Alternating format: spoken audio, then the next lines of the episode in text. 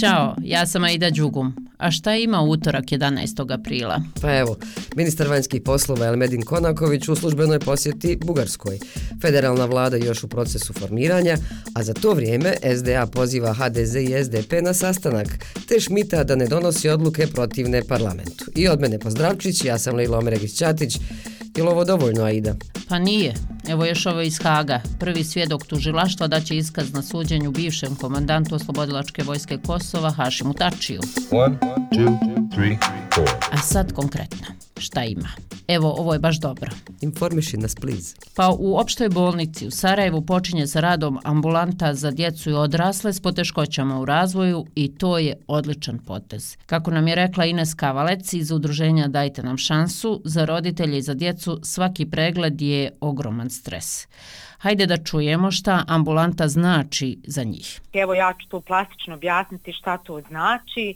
Ako jedno dijete treba istovremeno više različitih specijalističkih usluga, uvijek evo navodim za primjer stomatološka usluga. Za ovu populaciju po najviše znači da najveći broj njih treba da se dovede u spavaju da bi se završila stomatološka usluga da li popravak ili vađenje zuba što znači da su roditelji obavezni izvršiti sve ljekarske pretrage preglede nalaze kao kad odlazite na operaciju. E, u ovom slučaju dodatna ambulanta će to pružiti sve na jednom mjestu. Dakle odvađenje krvi, EKG, rentgen pluća pregled pedijatra, mišljenje anestezija kardiologa, urologa, dakle sve te specijalističke usluge koje suštinski se nigdje ne mogu raditi na jednom mjestu, dodatna ambulanta će to upravo da pruža roditeljima, gdje će se termini vrlo brzo dobijeti. Ej, Aida, odlična stvar danas u Istočnom Sarajevu za mlade poslovne ljude. Info dan za one koji žele da učestvuju u akcelerator programu. U čemu? Akcelerator.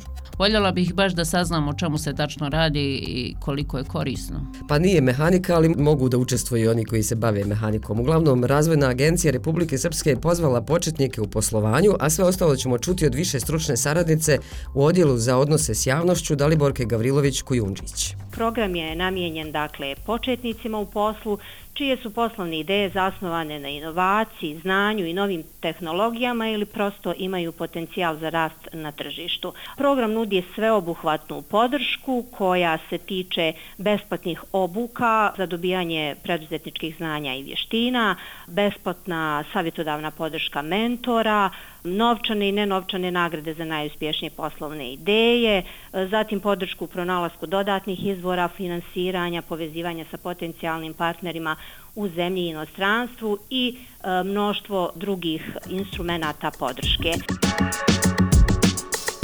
E, znaš gdje bih ja voljela da odem i vidim kakva je planeta Zemlja? gdje? Na mjesec. E, to ti je završeno. Sredit ću ti 2024. važi. S onim astronautima neki dan smo ih pominjali u šta ima ovaj, u misiji Artemis 2 za povratak na mjesec. Da, da. To dešava se prvi put u 50 godina. Možda i nije kasno za tebe, a?